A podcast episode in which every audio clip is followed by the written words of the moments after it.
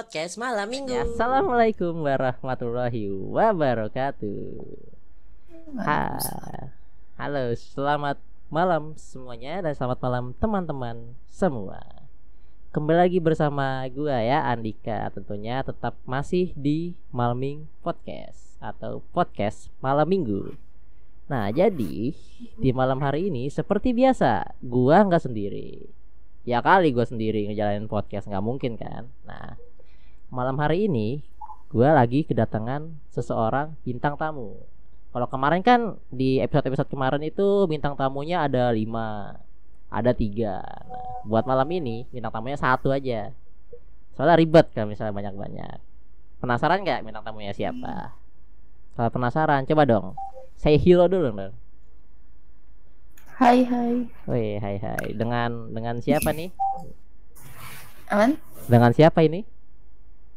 Eh dengan saya Samara Arfan. Nah, jadi dia ini adalah seorang bintang tamu ya. Dia ini orang-orang terkenal ya di kampusnya, bisa dibilang. Orang terkenal. Enggak juga ya. Ya, dia ini uh, anggota himpunan-himpunan gitu. Jadi bintang tamu kita hari ini agak agak spesial ya. Lebih bermutu daripada bintang tamu sebelumnya ya. Nah, emang sebelumnya siapa? Nah, bintang tamu sebelumnya itu hanya pekerja kantoran biasa ya dan seorang gamers. Jadi yang bintang tamu kali ini luar biasa.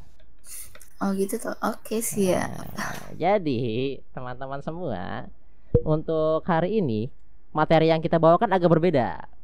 Jadi kan kalau misalkan di episode kemarin, di episode 1, kita kan ngebahas tentang salah jurusan gak sih gitu kan. Nah, di episode kedua kita membahas tentang kisah cinta. Nah, untuk malam minggu ini kita bakal ngebahas sebuah topik yang saya dibilang lagi tenar, lagi booming, lagi viral di dunia ini. Dan topiknya ya sedikit informatif lah. Kalau misalkan mau tahu topiknya apa, kita bakal ngebahas tentang coronavirus atau COVID-19. Pasti di sini udah pada tahu lah apa itu virus corona lah. Ya mungkin kalau misalkan yang belum tahu ya, gue mau bahas dulu sedikit lah tentang virus corona lah. Jadi yang belum tahu, virus corona itu bisa dibilang uh, atau misalkan disebutnya itu kan 2019 nCoV ya. Iya benar. Nah itu kalau misalnya dipanjangin panjangannya itu virus 2019 novel coronavirus. Jadi ini bisa dibilang semacam virus yang mirip-mirip dengan flu tapi menyerang dari anak bayi sampai anak eh anak tua lagi orang yang sudah tua. nah, jadi ya, ya begitu. Jadi virus corona ini sebuah virus yang katanya sekarang ini sangat mengerikan, yang yeah, bisa menyerang bayi sampai orang tua. Nah, ya pasti kalian udah tahu lah virusnya kayak gimana lah. Soalnya kan ini udah terkenal, udah udah viral banget kan. Ya nah, udah dong, udah pasti kenal. Ayo udah tahu lah. Nah, virus corona kalau misalnya kayak belum tahu ya, asalnya dari mana? Nah, virus corona ini kan awalnya dari kota apa sih namanya? Kota Wuhan. Wuhan China Wuhan ya. Nah, Wuhan China. Nah, jadi virus corona ini berasal dari kota Wuhan China. Kalau misalnya teman-teman belum tahu.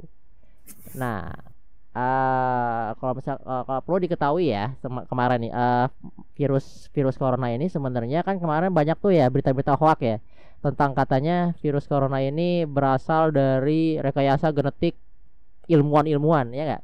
Ah benar benar benar. Ya kan kemarin katanya ada ilmuwan asal-asal nguji coba tuh tiba-tiba buat virus baru atau uh. hmm, atau ilmuwan buat apa-apa tiba-tiba keluar lah virus genosida genosida kayak begitulah kan banyak tuh kemarin tuh hoaxnya kan. Iya banyak info-info mengenai itu sih. Nah sebenarnya virus corona ini asalnya nggak kayak begitu. Jadi kalau misalkan kalian pengen tahu kan nih uh, bisa dibilang corona ini adalah sebuah virus ya. Jadi yeah. info dasar aja virus ini tidak bisa dibikin. Jadi virus ini alamiah keluar apa namanya jadi dia terbuat sendiri dari alam gitu. Nah, virus ini awal ya berasal dari uh, penularan binatang yaitu kelawar. Nah, dulu kan di Cina itu kan uh, orang-orangnya suka makan hewan-hewan ekstrim kan.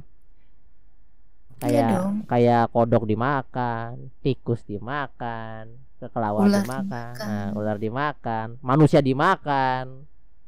mantan dimakan semua dimakan di Cina gitu Ya kan kali mantan makan bang. Ada aja sama tahu kan nggak dia kesel banget gitu kan wah gue makan makan ma- makan mantan nih ya, bisa aja Iya siapa tahu lagi isengnya gitu Ya, kan. lagi iseng kan ah iseng nih gabut nih kan makan mantan ah kan bisa Iya Nah. makanya. virus ini dap- uh, pertama kali da- uh, apa namanya tak uh, terbentuk atau ketularan semua pertama kali di Wuhan nah itu karena virus dari kekelawar awalnya itu kalau yang belum tahu ya itu virus corona nah yang pengen kita bahas di sini adalah bukan dari asal virus coronanya sebenarnya atau bukan tentang coronanya tapi fakta-fakta atau konspirasi gitu yang lagi tenar atau lagi viral di dunia. Yang pertama nih, aku pengen nanya dulu deh. Apaan apaan? Nah, jadi kan virus corona lagi viral tuh ya. Banyak konspirasi-konspirasi gitu kan di WA, di Instagram. Ma di lain Di juga TV, banyak di TV, di sosial Facebook media. ya kan. Hmm, banyak yang bilang katanya eh, di kota ini udah terda- terjangkit banyak virus corona gitu. Di kota ini sudah terba- terjangkit banyak virus corona. Kan banyak tuh yang panik tuh. Iya. heeh. Nah, kamu sendiri panik gak sih? Kalau pas kemarin-kemarin gitu keluar kayak wah virus corona masukin Indonesia nih. Eh, kalau gitu ya awal-awalnya panik sih. Wah, ya gimana gimana tuh? panik coba? Oh kayak udah menyebarnya juga cepat gitu kan. Hmm. Juga cepat menyebar terus kayak udah di kota ini udah segini apalagi dengan pemerintah yang juga menutup-nutupi Menutup-nutupi. masyarakat udah kena apa enggaknya data-data yang real itu ditutupin jadi sampai sekarang kita nggak tahu real benar-benar real yang udah terinfeksi di suatu daerah di Indonesia itu kita nggak tahu pastinya nah sedangkan di Italia di Cina Hmm. di Malaysia itu udah pada pakai sistem lockdown Oh sedangkan iya. kita di Indonesia pakai sistem yang nggak usah ke mana-mana cukup di rumah aja dalam waktu 14 eh, hari. 14 hari ya Iya. Nah, itu dengan kondisi negara seperti ini, bagaimana nggak panik? Salah satunya saya sendiri tuh disuruh balik kampung deh. Eh, Gitu balik ya. kampung ya. Padahal awalnya lagi di mana itu? Awalnya lagi apa? Menempuh suatu Waduh, menempuh. yang pelajaran untuk mencapai sesuatu yang diinginkan kan Woi, menggapai cita-cita. suatu iya benar suatu daerah yang bernama Yogyakarta Hmm. Nah, jadi saya harus pulang ke Sumatera Barat Waduh, di gara-gara ini virus corona. padahal hari liburnya tinggal satu minggu lagi ya. Iya makanya Hari libur satu satu minggu minggu ya, lagi. minggu dua hari lah. Nanti saya di Solo gitu kan di Padang. Hmm. Nah, awal awalnya kan pasti kamu pulang nih gara-gara panik kan? Nah iya, awalnya Nah. bilang aku juga gara panik. Nah, da- respon keluarga kamu gimana nih waktu mendengar kan kamu anak perantauan nih? Ya, Otomatis jauh kan sama kayak sama orang tua kan. Nah, waktu Iya. orang tua denger nih, wah virus corona bakal ada di Indonesia nih, udah masuk Indonesia nih. Gimana paniknya ke kamu gitu kan? Kamu anak perantauannya nih. Iya, aku tuh nggak panik. Aku nggak panik sebenarnya tuh panikku tuh udah hilang kayak udah biasa Hmm. aja gitu kan. Ya, yang penting jangan keluar rumah dulu aja. Udah itu aja. Hmm. Kayak kita juga jalanin kuliah online, ada juga tugas online, jadi juga sibuk di sana, nggak bakalan juga bisa keluar. Nah, yang panik malah orang tuanya nyuruh pulang. Nah, itu gimana itu coba? Yang panik orang tuanya, bukan anaknya. Wah, luar Dia biasa mau ya. mau harus pulang kan? Iya sih, benar sih. Hmm. Cara nyarap, cara cara kan kemarin tuh sempat tuh ya, kam, eh, aku udah dengar cerita nih, aku udah dengar cerita. Dia ini sempat nih kemarin nih nggak mau pulang sebenarnya awal-awalnya. Sempat bertahan di Jogja gitu kan. Tapi kok bisa sih ujung-ujungnya akhirnya balik ke Padang gitu. Oh gitu. Jadi gini, awalnya ya kayak nunggu mastiin ini bakalan libur sampai Hmm. satu minggu setelah Lebaran apa enggak ya? Soalnya Iya. kan kalau libur sampai satu minggu setelah Lebaran kan lama, mending balik ngapain juga di kos gitu kan. Hmm. Nah aku bilang ke orang tua bilang gini, gimana ya? Ini infonya tunggu valid dulu, benar nggak sih? Hmm. Gitu kan. Oke ya. Tiba-tiba nelfon nih, Iya. nelfon orang tuanya nelfon bilang ini di Medan udah kena 300 lebih di ini udah kena ini datanya tuh udah kayak gini banyak pemerintah yang untuk nutupin nanti kalau di sana kayak gitu juga gimana Waduh. udah pulang aja gitu kan Hmm.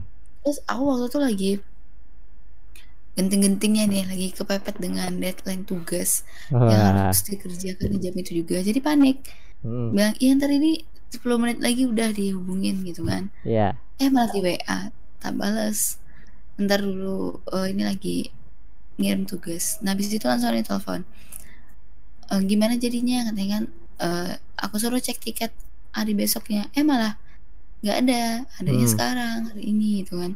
Tapi kalau hari ini pembayarannya itu dengan batas waktu 30 menit.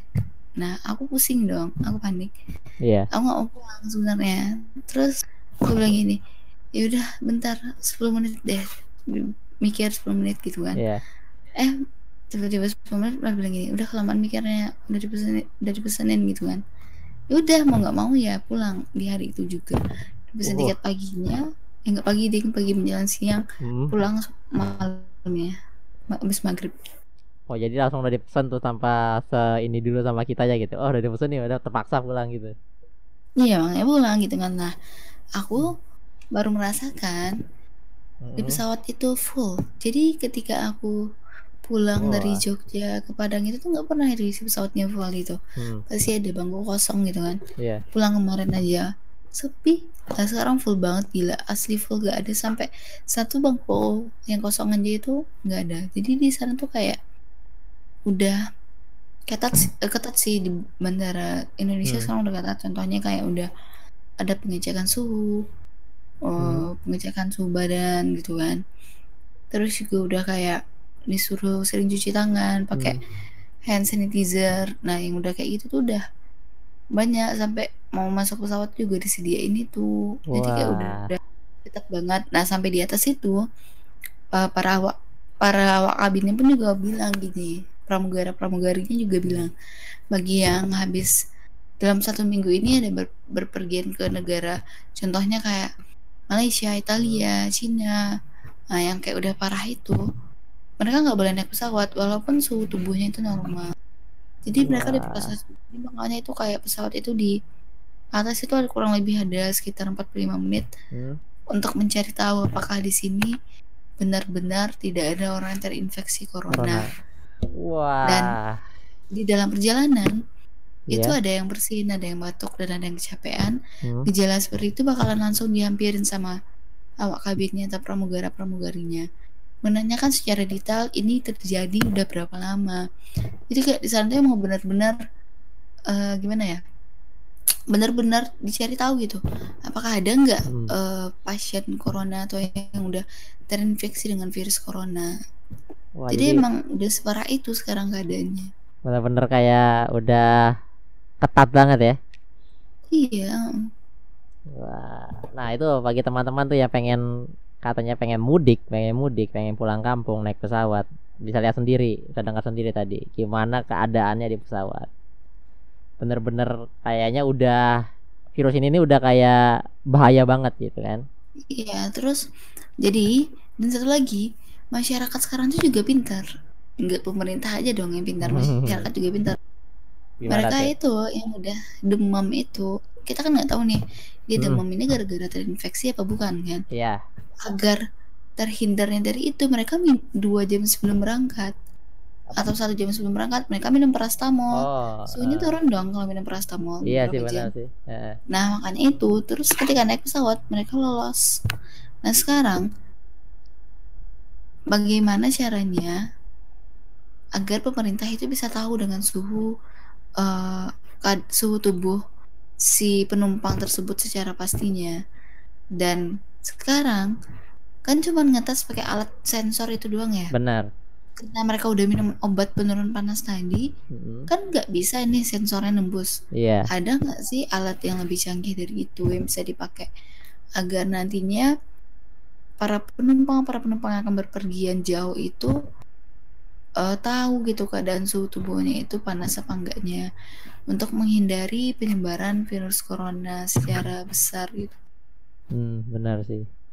Sepertinya sih harusnya sih ada ya, harusnya ya. Cuma kita Ya, nggak, ada di negara Hmm. maju. cuma kita nggak, negara- eh, cuma kita kan nggak tahu Nah. kan. Nah makanya Nah, sebenarnya kak, kalau menurutku ya, lagi, ah, ah, kemarin tuh di pesawat tuh ngecek suhunya ini gini Gimana? tuh? para pramugara pramugarinya itu Hmm. cuma jalan di batas tem batas kursinya itu ya batas kursi Hmm. di pesawat itu terus kayak mencet alat gitu kayak alat Oh, dipencet-pencet aja ah. jadi nggak nempel ke Tubuhnya ke kan. kening kita enggak Jadi cuma dari Cuma jauh gitu kan. Nah, jadi sensornya tuh dari jauh udah kelihatan gitu. Itu udah teknologi keren juga. Tapi yang bagi eh, manusia yang sudah minum paracetamol tadi ya nggak bakalan terdetek ah, dia terkena apa enggaknya gitu loh mungkin menurut sih sih menurutku ya kalau kayak gitu kan berarti harus dari kesadaran dirinya masing-masing. nah Nah, mungkin benar nah, mungkin saja kan. Mereka kenapa nggak jujur terus terang kan mereka sampai harus minum paracetamol mis- buat apa lewat dari pemeriksaan. Mungkin mereka itu kayak ngerasa mereka tuh bakal kayak panik gitu loh. Jadi misal, wah kalau misalkan aku ketahuan nih corona, gue bakal kayak gimana nih, kayak gitu kan. Pasti begitu. Aku yakin kalau misalkan iya Eh, iya kan, benar kan? Nah, iya sekarang di sini kira-kira kan orang-orang kan pas, pas pertama kali dapat kena virus corona itu kan pada, pada panik kan, pada matik macam-macam kan. Sebenarnya kalau pengen tahu, aku kayaknya eh, mikirnya gini, mereka panik pasti gara-gara mendengar berita-berita di internet. yang belum pasti kebenarannya Ya, belum pasti kebenarannya. Soal soalnya sekarang ini kan banyak tuh di internet ya berita-berita tentang iya. coronavirus yang meninggal ada berapa gitu kan. Di tempat ini udah banyak kena coronavirus di tempatnya udah banyak coronavirus nah gitu. Nah sebenarnya untuk kalian nggak boleh panik kalau misalnya kena coronavirus gitu apa coronavirus kayak gini. Soalnya gini di dunia ilmu komunikasi asik di dunia ilmu komunikasi ada sebuah kata-kata. Nama kata-katanya itu kayak gini bad news is a good news kayak begitu. Artinya berita buruk itu bagi pembawa berita atau bagi para apa namanya yang mendistribusikan berita bad news itu adalah berita bagus untuk dirinya sendiri karena akan meraih banyak keuntungan. Makanya kan sekarang ini kan banyak tuh di pemberitaan itu banyak berita-berita buruk tentang corona nah mungkin menurutku gara-gara itulah apa namanya kor- em, si mas eh, si masyarakat masyarakat ini udah apa jadi panik. Menurutku karena itu. Benar nggak sih? Kira-kira. Iya benar benar. Ya kan? Bad news is gitu sebenarnya ini salahnya sih ada salah dari media juga kalau menurutku. Nah iya kan ya gimana ya namanya media pasti juga ada Hmm, suatu mencari masalah keuntungan kan dibesarkan ya padahal masalah itu tuh nggak sebesar yang kita kira tapi Hmm. karena media sudah mengungkapkan ini wow besar wah gitu ya Hmm. kita sebagai rakyat biasa ya percaya gitu akan media tersebut Hmm. padahal kita nggak tahu kebenaran yang ini valid apa enggak sih Hmm, padahal pasti apa enggak hmm. sih nah, makanya Padahal kebenarannya kalau misalnya kalian pengen tahu ya untuk masalah coronavirus kemarin itu kan katanya banyak banget yang meninggal. Kalau kalian Nah. pengen tahu sebenarnya jumlah uh, orang yang sudah sembuh dari virus corona itu sud- udah banyak banget loh, udah lebih dari 50% kalau pengen tahu. Jadi aku ini punya kayak website datanya gitu. Website uh, berapa orang yang apa namanya? yang udah sembuh, yang udah meninggal atau yang segala macam.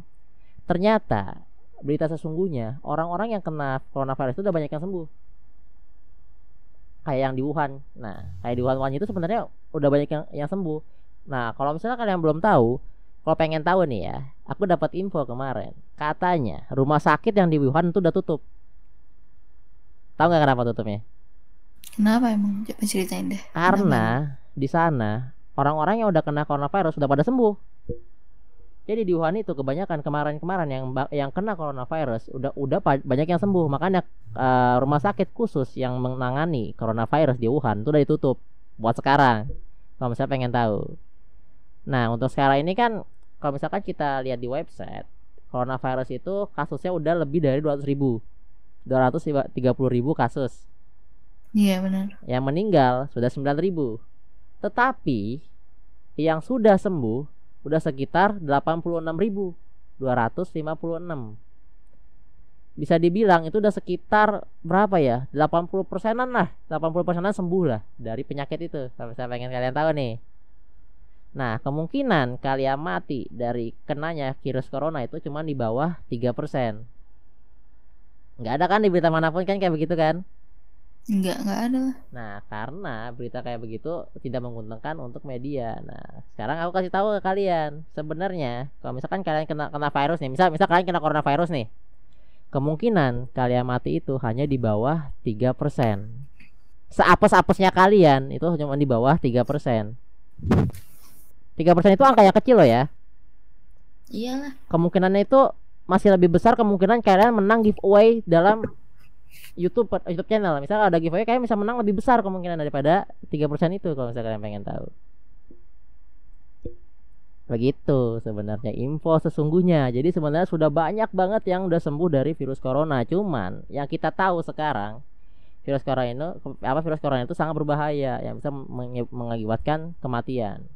Terus katanya juga ya, orang-orang pada geger atau pada panik karena katanya virus corona itu nggak ada obatnya gitu kan. Nah ini nih. Nah ini nih sebenarnya. Sebenarnya virus corona nggak ada obatnya. Hmm, nah sebenarnya gini. Kalau ini pengetahuan ringan juga ya. Sebenarnya flu-flu atau virus-virus itu sebenarnya memang tidak ada obatnya. Kalau misalkan kalian belum tahu, virus-virus yang biasa deh kayak flu, flu aja sebenarnya nggak ada obatnya. Percaya nggak? Percaya. Nah. Flu kan obatnya juga. Cuman apa sih? Tidur. Apa? kamu kecapean apa gimana kamu kurang istirahat ya obatnya istirahat kalau kamu sakit flu Iya benar tuh. Jadi kalau misalnya kena flu kan obatnya paling apa tidur. Tidur. Tiga dikasih hari, obat ya? nah, dikasih obat vitamin kan. Hmm, tiga hari sembuh. Hmm, tiga hari sembuh aja. Nah sebenarnya nggak usah takut sama virus corona. Kalau misalkan ada infonya virus corona nggak ada obatnya. Emang sebenarnya virus-virus atau flu-flu kayak begitu emang nggak ada obatnya. Jadi kalian nggak usah takut, nggak usah geger banget. Misal, misal gini, aku kena virus corona nih, wah aku bakal mati tuh. Enggak, tenang aja. Jadi kalau walaupun misalkan seamit-amitnya gitu, kalian kena gitu virus corona, itu kalian nggak akan nggak akan pasti mati. Kemungkinannya kecil banget, hanya sekitar 3% gitu. Itu bahkan kemungkinan dari asma, asma, asma atau misalnya penyakit jantung nih, kemungkinan meninggalnya itu masih lebih besar daripada virus corona. Ayo, coba. Uh, misal misal kita lihat di sini uh, pernah dengar jumlah orang mati karena asma nggak? Apaan? Pernah pernah ini nggak kayak misal kamu mendengar nih ada orang mati karena asma? Pernah nggak? Ya, pernah. Nggak maksudnya pernah. sebanyak sebanyak corona nggak? Ya enggak. Enggak kan? Padahal mah persenan meninggal orang kena asma itu lebih besar daripada kena corona. Begitu. Jadi sebenarnya virus corona ini kalau misalkan kita bilang ya, dengan kita bandingin dengan virus-virus lain ya virus corona ini bisa dibilang masih dibilang noob lah atau virus awal-awal lah masih virus-virus ya pendatang baru bisa dibilang kayak begitu virus corona ini. Jadi sebenarnya nggak usah takut sama virus corona ini. Waspada boleh tapi panik jangan. Nah Soalnya gitu kalau misalnya virus corona. Nah dari Iva sendiri nih. Gimana gimana? Punya tips nggak sih biar anak-anak atau yang dengar uh, podcast kayak gini nggak panik gitu menghadapi virus corona? Ya menurutku untuk dengan keadaan sekarang cukup stay di rumah aja nggak usah keluar. Kalaupun mau keluar ketika ya emang udah urgent banget gitu ya kalau nggak urgent ya udah nggak usah keluar. Terus ketika melihat berita cari dulu ini valid apa enggaknya. Nah benar. Bahwa panik oh ini nih ini langsung baca berita ini. Corona bakal ini corona bakal ini.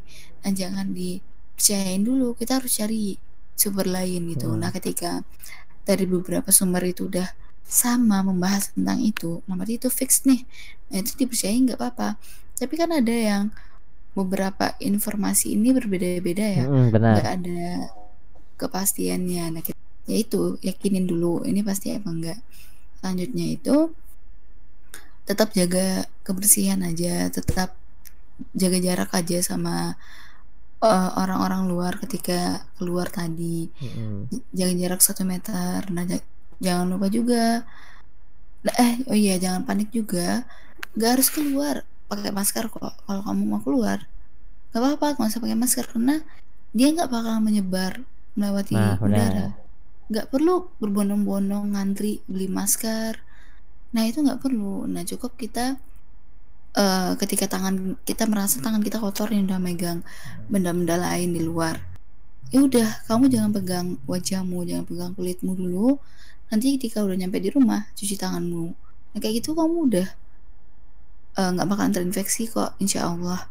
Asalkan kamu menjaga kebersihan tubuhmu aja sering-sering cuci tangan aja sering minum air putih jangan minum es dulu sering minum air air anget gitu nah, yeah. nah yang tadi lanjutin lagi hmm, beli masker jangan sembarangan kamu membutuhkan masker sekarang karena virus corona tapi orang-orang luar sana belum tentu uh, menjualkan masker itu dalam keadaan masker yang utuh gitu siapa yeah. tahu dia habis menjual Bekas. masker hmm. ber, ah itu nah makanya jadi nggak usah panik nggak harus keluar pakai masker kok udah santai jangan nggak pakai masker juga nggak apa-apa yang penting ketika kamu bersin kamu tutup jangan pakai uh, telapak tanganmu tapi hmm. pakai hmm. sikumu aja nah, nah itu, itu dia sekarang udah banyak uh, flank apa flampet-flampet di luar sana atau hmm. brosur-brosur atau apa ya poster-poster yang menyediakan uh, pencegahan bagaimana kita mencegah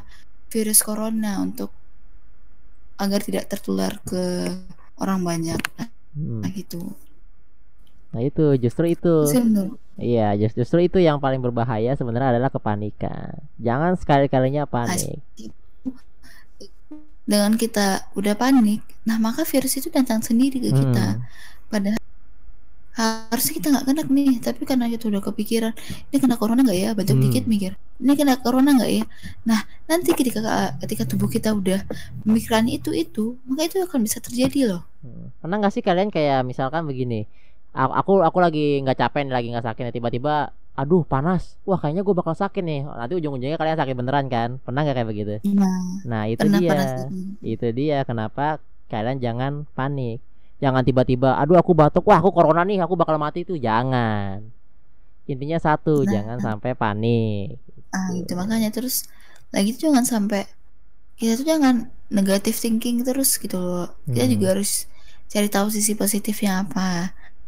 Jangan terlalu memikirkan negatifnya aja. Nah, siapa benar. tahu dong kita memikirkan hal yang positif imun-imun tubuh kita bisa lebih meningkat dan benar. ketika virus itu masuk ke tubuh kita kita mempunyai antibodi yang kuat hmm, benar. nah ketika pikiran kita udah kacau udah stres antibodi tadi itu makan melemah dan semangat kita pun udah nggak ada gitu nah benar tuh jadi begitu. Nah, tapi untuk masalah masker, sebenarnya benar kata Iva tadi. Kalian sebenarnya keluar itu nggak nggak harus banget pakai masker. Soalnya begini, masker itu digunakan hanya untuk orang sakit, ya nggak? Iya benar. Nah, jadi kalau orang yang tidak sakit, jangan memakai masker. Soalnya begini, kalau misalkan kalian kena flu nih, yang menularkan penyakit itu siapa? Orang yang sakit toh. Nah, kalau misalkan, iya. kalau misalkan dia bersin, nggak tanpa masker kita misal kita pakai masker dia nggak pakai masker itu bakterinya tetap kena ke kita bakal nempel di baju kita bakal bakal bakal, bakal nempel di masker kita nanti misalkan kita pulang ke rumah kita buka masker gitu kita buka baju otomatis kan virusnya tetap masuk ke kita nah makanya itu sebenarnya pakai masker itu hanya dibolehkan uh, digunakan oleh orang yang sakit sakit orang yang sehat tidak diperlukan menggunakan masker. Boleh pakai masker, tapi tidak dianjurkan sebenarnya begitu. Soalnya kan begini, uh, sebenarnya sih kalian nggak pakai masker juga nggak nggak akan kena corona. Soalnya begini, virus itu bakal menular dengan jarak satu meter. Jadi, jadi misal gini, kamu ada di satu meter di depan orang kamu. Saya depan orang kamu nih ada yang kena corona nih. Terus dia bersin. Nah. Jaraknya di sekitar 2 meter dia kamu itu nggak akan kena corona di situ soalnya kan jarak penyebaran virus itu dari bersin itu hanya sekitar satu meter gitu kawan-kawan semuanya. Nah makanya itu kita perlu untuk menjaga diri gitu loh. Jangan hmm. dan satu lagi itu jangan ngambil menganggap remeh juga hal ini gitu. Dan kan juga ada orang nih oh ini apa sih? Bodo amat gitu kan ngebawa. Ya udah santai aja. Ini nggak terlalu dipikirin. Lagi itu kita juga nggak boleh. Jadi kita hmm. udah netral netral aja gitu. Nggak usah berlebihan juga dan nggak usah ngebawa terlalu santai. Yeah. nah itu dan tahu orang-orang Italia kenapa sekarang sampai keluar itu harus uh, uh, yang Italia Italia itu terus pokoknya intinya tuh kalau dia keluar rumah itu bakalan didenda. Dan Hmm. mau keluar pun juga harus ada surat izinnya. Benar. jadi udah kayak negaranya itu emang udah benar melakukan lockdown.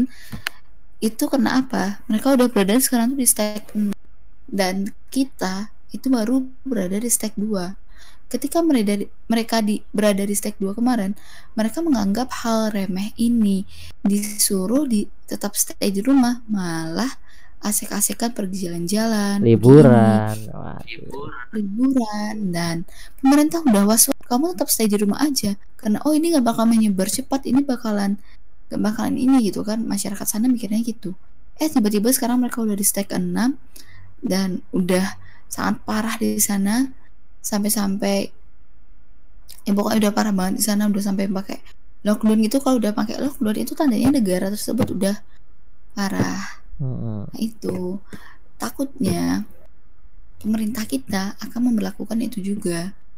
Tapi eh, pemimpin kita Hmm. pasti mikir juga gini. Kalau menurutku gini deh. Iya. Ketika Bapak Jokowi presiden kita itu memperlakukan lockdown, Mm-mm. Maka di Indonesia bakalan kembali lagi seperti zamannya Soeharto, krisis Benar. moneter. Terjadinya krisis moneter. Iya. Dan menurutku sekarang corona ini Oke, tadi sedang ada sedikit kesalahan teknis dikarenakan eh koneksiku mati. Jadi gimana Pak tadi? koneksiku apa koneksimu? Koneksiku Dasar. Eh, sampai mana tadi? Sampai mana? Eh, sampai menurutku eh, yang habis lockdown. Nah, gini nih. Menurutku itu di Indonesia ini ketika akan dipakainya eh, apa? lockdown, Hmm. ketika terjadi lockdown gitu di Indonesia, Hmm. maka Indonesia ini akan kembali seperti zamannya Soeharto. Krisis moneter terjadi lagi. Oke, Masih kan enggak? Masih Indonesia di zaman Soeharto. masih itu Nah, aku aku bisa? dulu pas masih SD lah kelas 5. Nah, hah? Enggak, enggak. Masih Aku, masih aku, aku udah belum lahir, aku belum lahir. Kayaknya emang udah hidup Anda. Nah, makanya itu. Nah, jadi di- gitulah. Jadi krisis moneter ya eh, ekonomi kita sangat harganya sangat mahal, terus pendapatan kita juga nggak ada. Nah, makanya terjadi sana krisis moneter. Nah, itu yang ditakutin pemerintah kita kalau akan eh, mengadakan sistem lockdown. Nah, terus kita sekarang tidak adanya sistem lockdown nih. Tapi masyarakat menganggap remeh hal yang diberikan pemerintah. Tidak keluar selama 14 hari. Hari. Tapi masyarakat kita, masyarakat kita malah menganggapnya sebagai liburan. Malah pergi ke pantai, pergi ke bukit atau ke mana gitu kan. Nah, salah itu. Oh, pokoknya liburan itu nge-mall gimana gitu. Hmm. Malah pergi ke tempat-tempat yang ramai. Harusnya hal itu kita hindari. Kita berharap virus corona ini segera berakhir. Tapi kita tidak ada eh, mau membantu pemerintah agar upayanya untuk memberhentikan penyebaran virus ini berhasil gitu. Kita Iya. malah membuatnya semakin parah. Nah, itu. Aku eh, beranggapan segi- seperti ini. Jokowi itu sangat mementingkan eh, ekonomi kita. Presiden kita mementingkan ekonomi kita di situ. Benar. Nah, kan dia mementingkan nih. Hmm. Eh, contohnya seperti ini. Ketika ada seorang pekerja hanya bekerja, hanya pendapatannya itu eh, didapatkan dalam satu hari, seperti Iya. tukang ojek lah misalkan, gojek Iya. online gitu kan. Dia narik nih, Hmm. narik nih, mendapatkan pendapatan misalkan 400 ribu dah sehari. Ketika dia nggak narik, lockdown nih, kan nggak bisa narik. Mereka dapat duit dari mana? Mau makan dari mana? Benar. Nah, iya kan? Iya. Tapi tapi jika tidak adanya sistem, sistem lockdown, masyarakat Indonesia ini malah menganggap remeh gitu. Nah, sekarang giliran aku deh menanyakan ke kamu, menurut Hmm. kamu gimana sih bagusnya cara lockdown? Kan lockdown nanti udah tegas banget nih pemerintah nih. Lockdown gitu, negara Iya. di lockdown. Kayak Malaysia contohnya. Iya. Ah, di Indonesia kan belum ada sistem lockdown. Belum. Terus tidak adanya sistem lockdown ini malah uh, masyarakatnya meremehkan pemerintah gitu. Hmm. Menurutmu sistem apakah yang terbaik untuk uh, Indonesia ini pada saat ini gitu? Oke, kalau menurutku ya sebenarnya kita kasih kita kasih tahu dulu nih mungkin dari mereka nggak tahu ya kalau misalkan lockdown itu apa yang terjadi. Jadi sebelum okay. jadi untuk teman-teman sebelumnya ketahui dulu ya sebenarnya lockdown itu bukan sebatas kita nggak boleh keluar rumah. Tapi itu sampai toko-toko pun nggak boleh berjualan. Jadi lockdown itu kita nggak boleh keluar dari kota nggak boleh keluar dari rumah. Semua kampus semua toko itu semuanya tutup. Tidak ada yang boleh buka. Itulah semengerikannya lockdown kalau yang kalian belum tahu. Nah untuk sistem yang sekarang sebenarnya yang libur 14 hari ini sebenarnya udah bagus. Kenapa begitu? Sebenarnya kalau misalkan market Indonesia ini nggak nganggap remeh nih nggak ada jalan-jalan liburan keluar libur 14 hari malah keluar sebenarnya ini bisa memberhentikan uh, penyebaran virus corona. Kenapa? Nah perlu kalian ketahui libur 14 hari pengambilan liburnya itu kenapa 14 hari itu sebenarnya nggak ngasal jadi kalau kalian pengen tahu 14 hari itu adalah hari atau berapa lama uh, waktunya untuk mengisolasi seorang yang kena virus corona Makanya kenapa 14 hari? Jadi begini. Kalau misalkan kita ngomongin tentang sistem sekarang, 14 hari libur. Kita ngomongin biologi, virus itu uh, kalau misalkan tubuh kita kena virus, otomatis kan kita bakal mengeluarkan antibodi, bener nggak? Iya benar. Nah, untuk virus corona sendiri, gejalanya itu biasanya di hari ke bisa kita kena nih di hari pertama nih kena virus corona. Di hari ke satu kedua itu tidak ada tanda-tanda, biasanya begitu. Di hari ketiga keempat biasanya akan mulai kayak pilek atau batuk-batuk. Di hari kelima sama keenam biasanya orang yang kena virus corona dia bakal demam. Di hari ketujuh itu biasanya demamnya lebih parah dan di hari ke-8 dia bakal terkena sesak napas atau masalah pernapasan. Nah, kalau misalkan kita bicara tentang biologis dan ini aku juga dapat uh, infonya dari kemarin, aku habis nonton podcastnya Anang ya. Dia ada dokter kesehatan gitu, ada dokter dari dokter virus. Katanya antibodi kita bakal melawan virus itu di hari ke-7. Jadi di, di hari ke-7 setelah kita kena virus, antibodi kita itu akan paling banyak di tubuh kita, akan paling banyak keluar. Nah, kalau misalkan tubuh kita ini sehat, antibodi kita banyak di hari ke-8 misalnya kita kena virus corona nih di hari ke-8 orang yang kuat bakal sembuh dari virus corona. Tapi orang yang antibodinya lemah dia bakal kena eh bakal terjadi sesak napas. Artinya dia nggak bisa melawan virus corona. Nah itulah kenapa libur 14 hari ini bagus. Sebenarnya itu untuk mengetahui mana orang yang kena virus corona sama yang nggak kena virus corona jadi kalau misalkan 14 hari kalian diam di dalam rumah, enggak bandel liburan, kalian sehat-sehat aja, itu artinya kalian itu terbebas dari virus corona.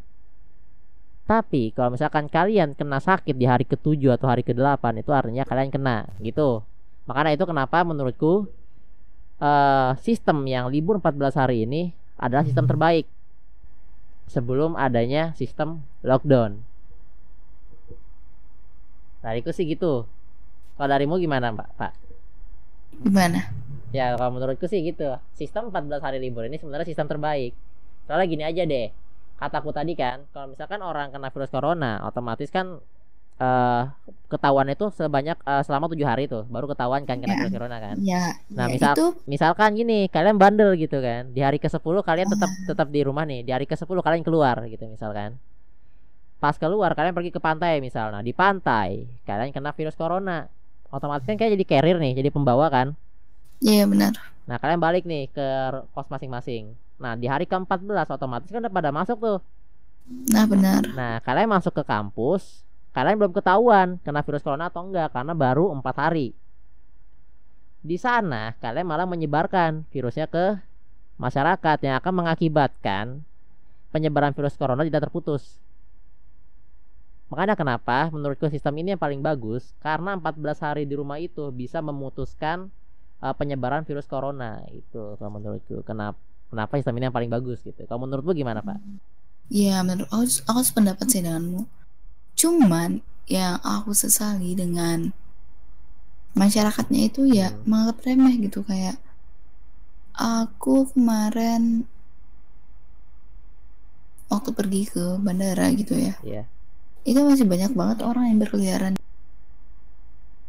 Dan sistem 14 hari ini kan tidak diberlakukan ke seluruh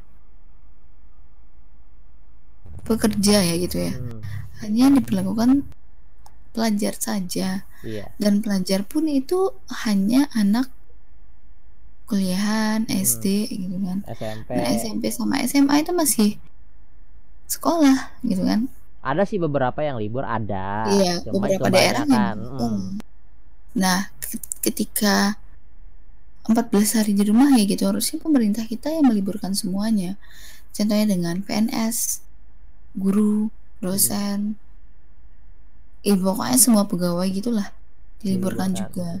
Ketika dia tetap disuruh masuk kerja, ya sama aja dia juga bakal ketemu orang rame. Di perkantoran emang nggak rame.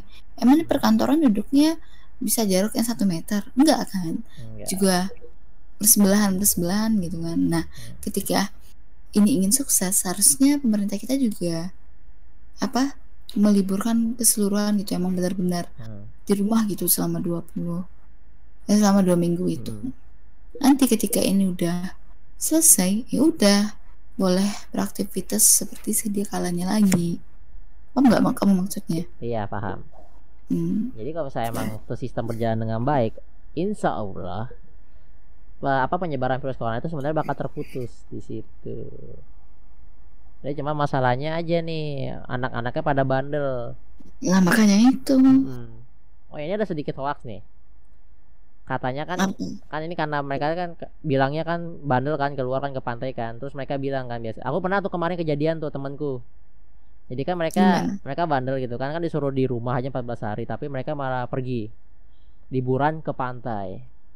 Kan aku tanyain kan, kok ke pantai sih kan bukan yang nggak boleh kan? Soalnya kan kita di rumah aja gitu kan. Mereka dapat info katanya virus corona bisa dibasmi dengan suhu di atas 30 derajat katanya begitu kan. Jadi di, Iya. di pantai kan panas tuh. Otomatis kita gak akan Hmm. kena virus corona.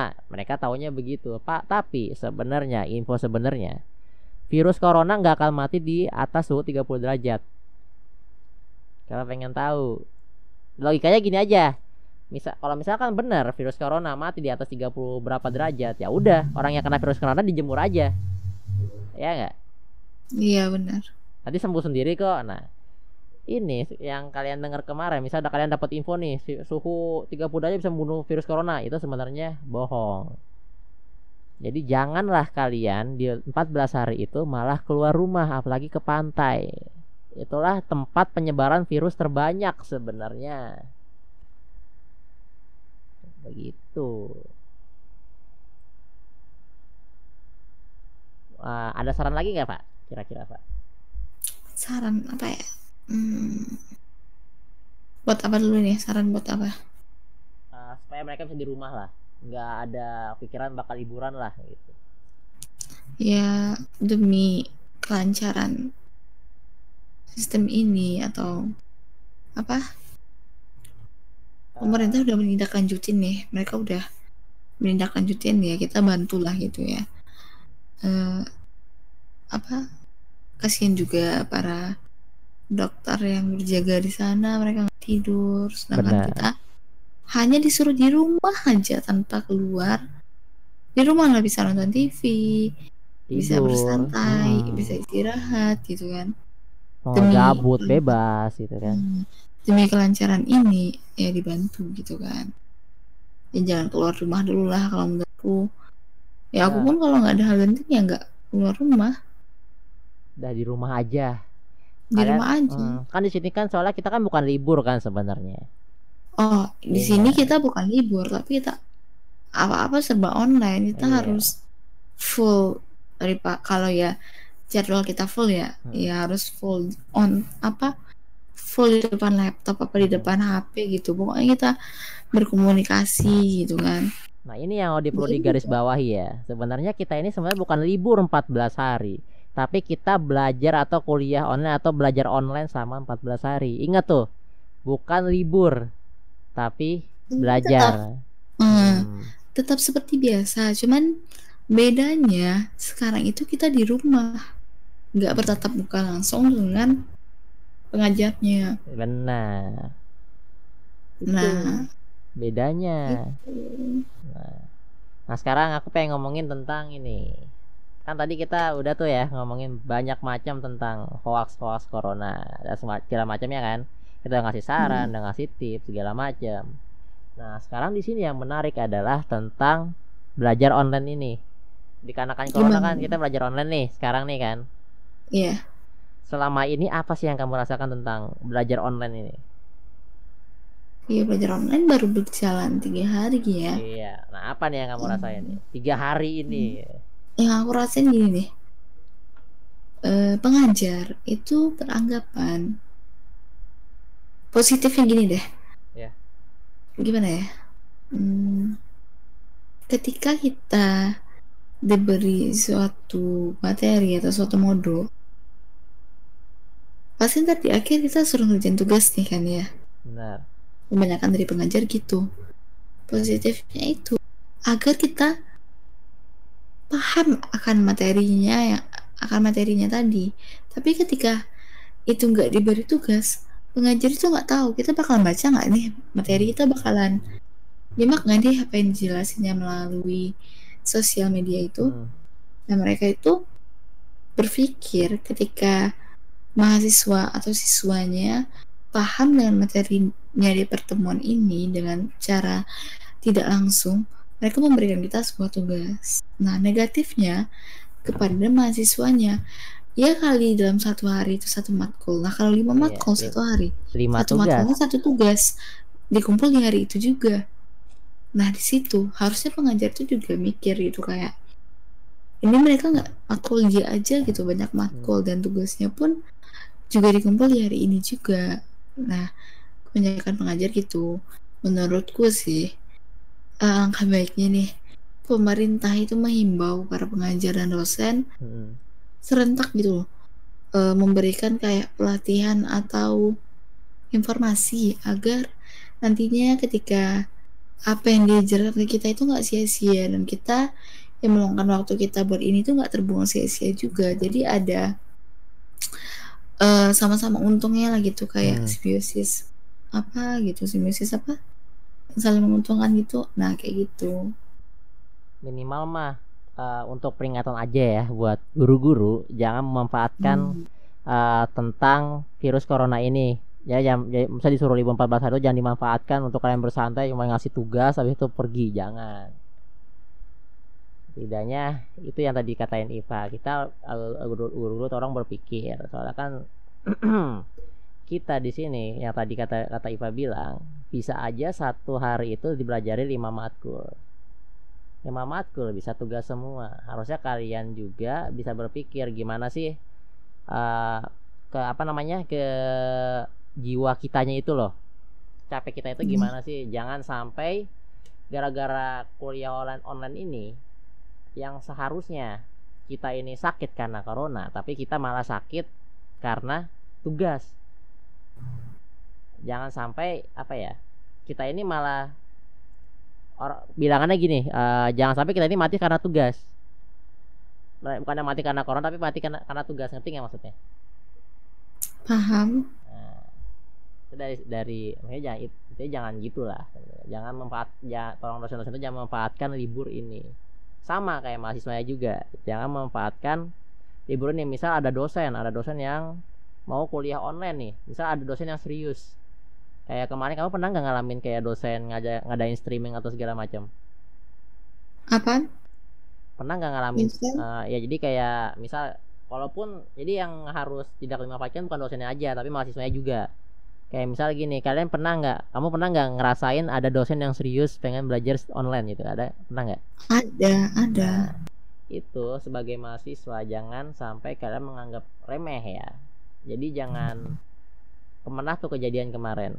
Ada temenku ya belajar online.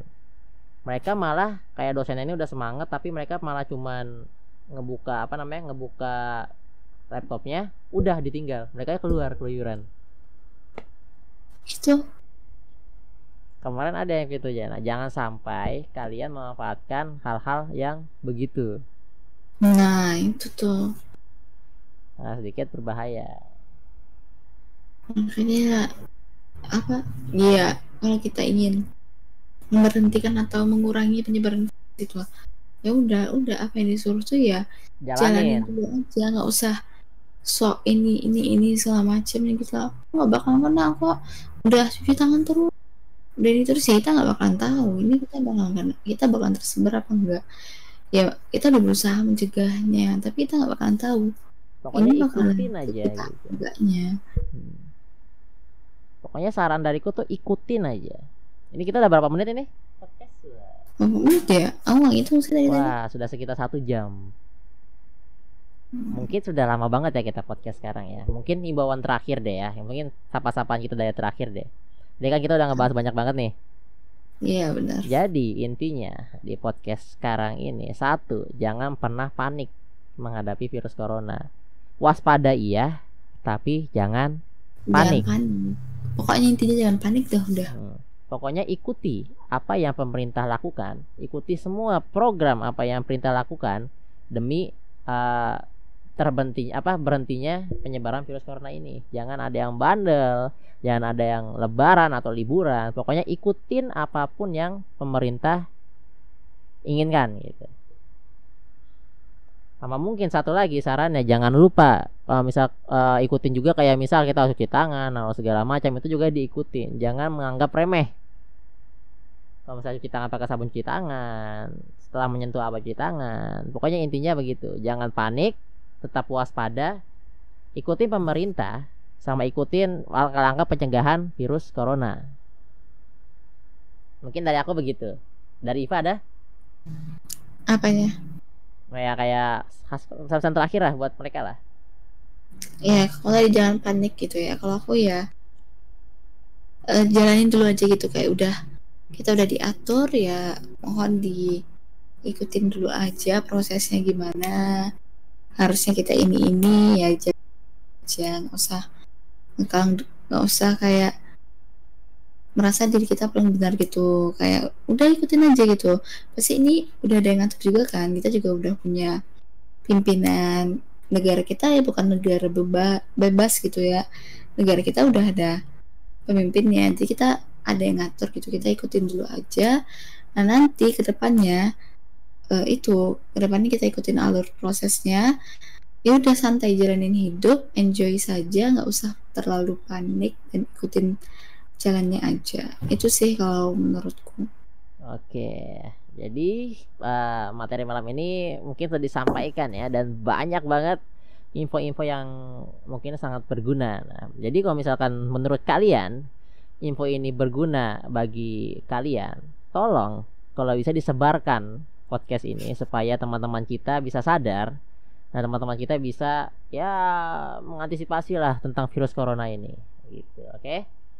oke mungkin aku sekian dari kita mungkin eh, Iva pengen pamit pamitan Oke, sekian dari aku. Aku pamit undur diri. Assalamualaikum warahmatullahi wabarakatuh. Waalaikumsalam warahmatullahi wabarakatuh dan sekian dari Dika dan untuk podcast malam pada malam hari ini jangan sampai lewatkan podcast episode selanjutnya dan jangan lupa sebarkan jika materi ini sangat bermanfaat untuk kalian semua. Sekian wassalamualaikum warahmatullahi wabarakatuh dan selamat malam.